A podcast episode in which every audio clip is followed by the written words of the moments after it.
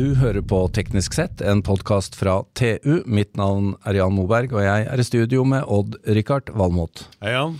Hei, Odd-Rikard. Uh, har du vært ute på Bøljan blå i det siste? Nei, men det blir vel snart, håper jeg. Ja, det, skal ut. Småformat, det da, Det sammenlignet med ja. hva vi skal snakke om i dag. Deep Sea Shipping. det er ikke min eh, sterke side. Nei. Shallow sea, sea shipping, tenker Ja. Men en, et kjennetegn med deep sea uh, shipping er jo at de er litt sånn deep shit shipping, er det ikke det? At de, det er mye som skal løses der for å nå klimamål. Ja, Det er det på grunn farvei nå, når du går på grunn.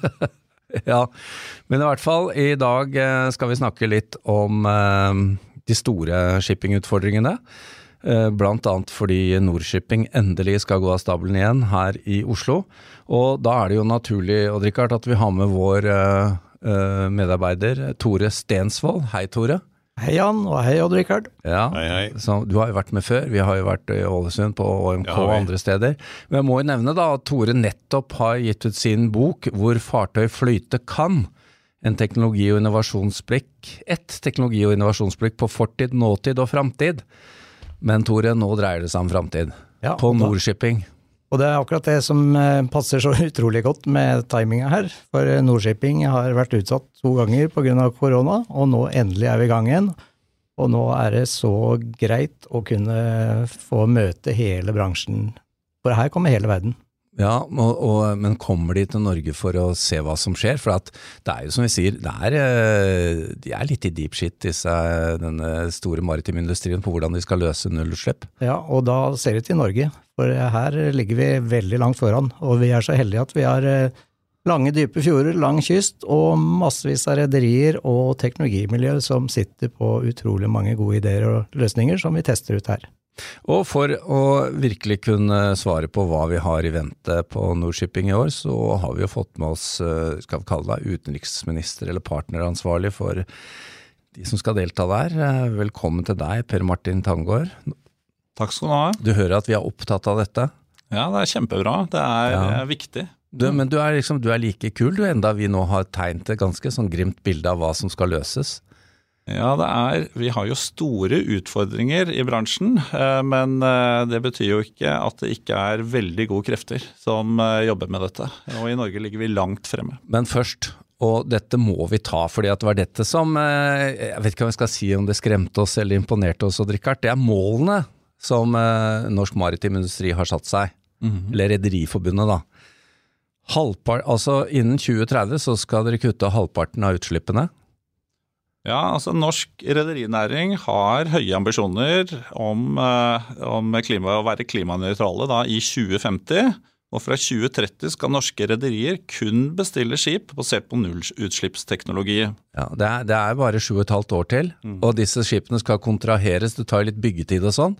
Vi snakker om veldig få år før det skal være mulig å bestille nullutslippsfartøy på deep sea shipping. Nå ble det ganske stille her. Nei, altså, jeg vil jo si at det der er, det er noe av det mest ambisiøse jeg har hørt. Og jeg håper endelig de får det til. Mm, men vi får se. Jeg er litt skeptisk. Men eh, da må du fortelle litt, eh, Per Martin. Hvem er det, hva er det da eh, vi skal forvente å se på Nordshipen, eller oppleve, som kan bidra til denne reisen at dette blir mulig? Ja, vi har eh, Nordshipping samler jo hele verden. Et av de største maritime arrangementene i, som vi har i verden. Eh, så vi samler normalt sett rundt 50 000 mennesker her i Oslo. Annethvert år. Eh, og en av de tingene norsk maritim bransje er veldig gode på, og som verden kommer til Norge for å oppleve, det er innovasjonen rundt grønn shipping. Vi er gode på det. Vi eh, har vært gode på det, eh, og vi trenger på en måte Og vi jobber videre med det. Så mm, Eh, Det, det som er viktig her, er jo at norske rederier og norske miljøer de har gått foran uten at det egentlig har vært noe pålagt krav fra myndigheter i, den store verdenssammenhengen. Men nå kommer det. Altså Europa, EU går i spissen, og internasjonale maritime organisasjon, eh, FNs eh, miljø, nei, sjøfartsorganisasjon, de presser også på, eller de blir presset, så de vedtar eh, ambisiøse mål. Og dermed så er vi nødt til å gjøre noe. Og her ligger da norske miljøer foran, fordi at vi allerede har gjort det på frivillig basis. Med andre ord, Roosevelt sine ord 'look to Norway', de stemmer jeg. Ja, det har jeg referert i boka mi òg. Du har det, ja? Det er bra, Tore. Men uh, tilbake til deg, Per Martin. Det er jo uh, litt, litt, sekkepost, da. Så er det altså grønn uh, maritim teknologi det dreier seg om. Mm. Ja, og, og, hvilke aktører er det da vi kan, som er, som, er, fremst der? Som disse publikum fra hele verden skal komme og utforske? Nei, vi har av de som Altså jeg vil jo si En av de tingene vi er gode på her, som vi har fått til i Norge, det er en maritim klynge. Det vil da si at ja. rederier, eh, utstyrsleverandører og konkurrenter kan sette seg sammen for å finne løsninger. Eh, så du har den gode, gamle sayingen at vi, eh, vi samarbeider når vi kan, og konkurrerer når vi må. Det er noe som har fungert veldig bra for oss. Og her under Nordshipping så vil du ha både rederne, du har eh, det politiske miljøet eh, her i Norge med, med ministre osv. Vi har også IMO eh, ja. representert. Eh, for shipping er jo, og hele maritim eh, bransje er jo unektelig mm. ganske internasjonal. Og da snakker du om International Maritime Organization. Organization ja. Det er de som setter de, på en måte, de globale eh, eller internasjonale lovgivningen for bransjen. for det er jo det som er litt av trøbbelet med oss når vi skal, og med, sammen med utslipp. Eh, vi kan ikke bare løse det ett sted. Vi må løse det over hele jorden. Eh, og da plutselig er jo grenser og andre ting er ikke vi, har ikke noe regelverk for det. Eh, og da har vi FN og IMO, som er den utstrakte armen der som jobber med dette. Og de kommer til Nordshipping sammen med unge mennesker som har nye ideer, med selvfølgelig utstyrsleverandører som har løsninger. Og ofte finner vi da løsningene når disse hodene møtes og er sammen. Ja, for det, det, dette er interessant. Altså, er det slik eh, nå, nå, avslører jeg at jeg ikke er så god på den maritime industrien som du er, Tore, men er det slik her også at eh, vi er avhengig av de unge, nyskapende gründerne for å få ting til å funke? Ja, vi er faktisk helt avhengig av det. Eh, en av de tingene vi har, eh, vi ser, vi er avhengig av kompetansen vi besitter i dag. Ja. Eh, og hvordan vi kan gjøre den på en annen måte. Og så er vi helt avhengig av de unge og nye hodene som har helt eh, både nye innfallsvinkler og, og tanker er, og ideer. Ja. Er dette noe du har også tatt opp i boka di, Tore? Uh, ja, til, selvfølgelig. Altså, digitalisering er jo en nøkkel i alt vi gjør. Og shipping er en veldig konservativ bransje. Og, men det sitter jo folk på toppen der som er fullstendig klar over det. Men det er det å få gjort det, noe med det Eh, og sånne eksempler var Klavenes, som for noen år siden sa at vi må gjøre noe på dette. Vi mm. vet ikke hva, men vi ansetter noen som kan noe vi ikke vi kan innenfor IT. Og i dag så sitter de med et eget uh, datterselskap som er langt framme, om ikke lengst framme. Du er jo inne på noe, vi så jo det da vi var i, i Ålesund også på OMK, at det å ha god styring på hvor, hvor, lang tid kan du bruke, du kan senke farten litt, du sparer enormt med drivstoff og dermed utslipp. Men så har du jo da nå drivstofftype, batteri, andre type eh, å si energibærere og design. Så har du retrofit og nybygg. altså Dette er jo en ganske stor eh, sak da, å gå løs på. Det er uh, kjempeomfattende, så det er, ikke, det er ikke noe quick fix her. Du kan ikke ansette én, og så har du løst uh, masse for ditt eget selskap. Du er nødt til å samarbeide. Og det er jo der eh, sånn Nordshipping er en flott arena hvor folk kan møtes på tvers av bransjer og, og bedrifter. Og det unike med, med, Norge, som Per Martin var innom, det er jo denne clusteret vi har hvor vi samarbeider når vi kan, og så konkurrerer vi når vi må. Ja. Eh, jeg må jo si at jeg er ganske nysgjerrig på hvordan vi skal få til å bestille eh, nullutslippsbåter som skal gå deep sea i 2030. Det er, det er jeg spent på. Ja, det, det, er sikkert flere enn meg som er spent på. Ja, Jeg vet ikke om vi får det til, men eh, i hvert fall er det veldig mange som jobber for at det skal gå. Ja. Og når vi har et sånt mål, så er det i hvert fall eh, Da skjer det noe. Ja. ja, Men uh, Tore, jeg vet du har skrevet om nyheter om uh, nå er det til og med containerskip med store batteripakker. Men det er klart det kan ikke være løsningen for volumet. Og uh, det kan antagelig ikke være løsningen vår heller, Odd Rikard, nemlig kjernekraftdrevne store deep deep sea ships. Det har jo det har vært mye kjernekraftdrevne deep sea-fartøyer, refererer amerikanske hangarskip, i veldig, veldig mange år. Men om det kommer i, i handelsflåten, det er vel usikkert. Nei, så Tore og Martin, hva er da løsningen og den første som skal komme? Fordi at jeg regner med at man har satt seg hårete mål, men man har vel en tanke om hva løsningen kan være? Mm.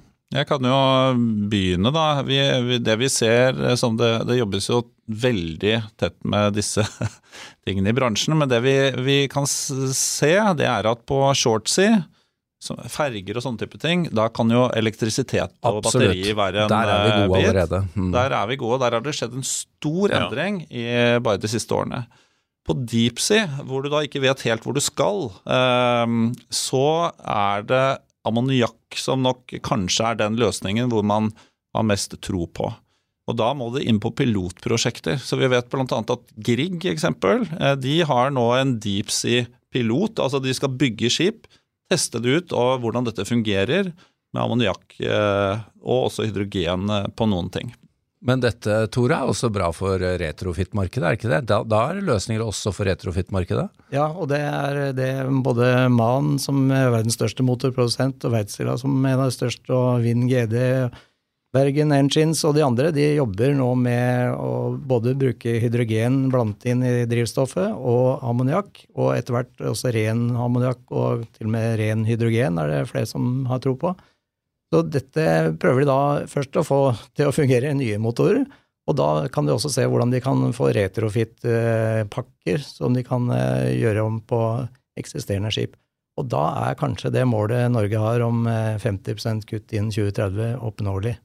Men eh, da må vi heie på de miljøene som jobber med det, annet på Stord, og, hvor vi har et katapultsenter hvor de tester ut eh, den eh, motorteknologien. Hva sier du, Odd-Rikard, er det mer troverdig nå, etter å ha hørt på disse to gutta? Nei, altså det er, jo, det er jo energilagring vi snakker om. En alternativ til uh, fossile. Men uh, er det motorveien man har tenkt å gå, eller har man tenkt å gå brenselcelleveien og elektrisk drift?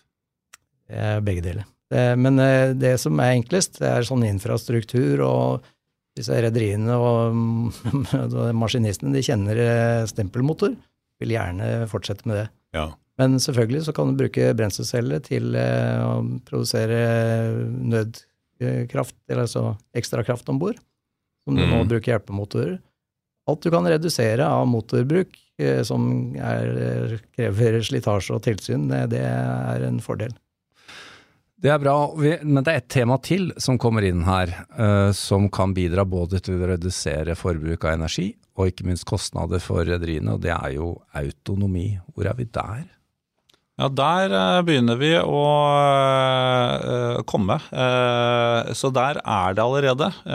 Eksempel Yara Ja, den den har vi jo hørt om lenge. Den har vi hørt om. Ja, så der jobbes det med gode piloter som må testes ut. For det er, det er som sagt det er samme med bil og andre type eh, når vi gjør autonomi. Det er alltid ting som man ikke har tenkt på, som man må jobbe med. Men skal man sant, Du har autonomi, du har forskjellige drivstofftyper, eh, og vi har nye utvinninger. Altså havvind, andre typer ting vi kan benytte oss av. Vi jobbet jo også forrige gang eh, med et Seeds-prosjekt hvor vi snakket om Vi tenker jo i de banene at ja, du må jo inn til en havn og fjule, men hvorfor må man det? Kan man ikke, Går det an å tenke helt annerledes? At man fjuler mens man er til havs? På stasjoner som på en måte kan er gå sammen spennende. med båtene Ja. osv. Eh, og som kan gå på ja, drifte seg selv der ute. Masse spennende prosjekter som, er, som finnes der ute.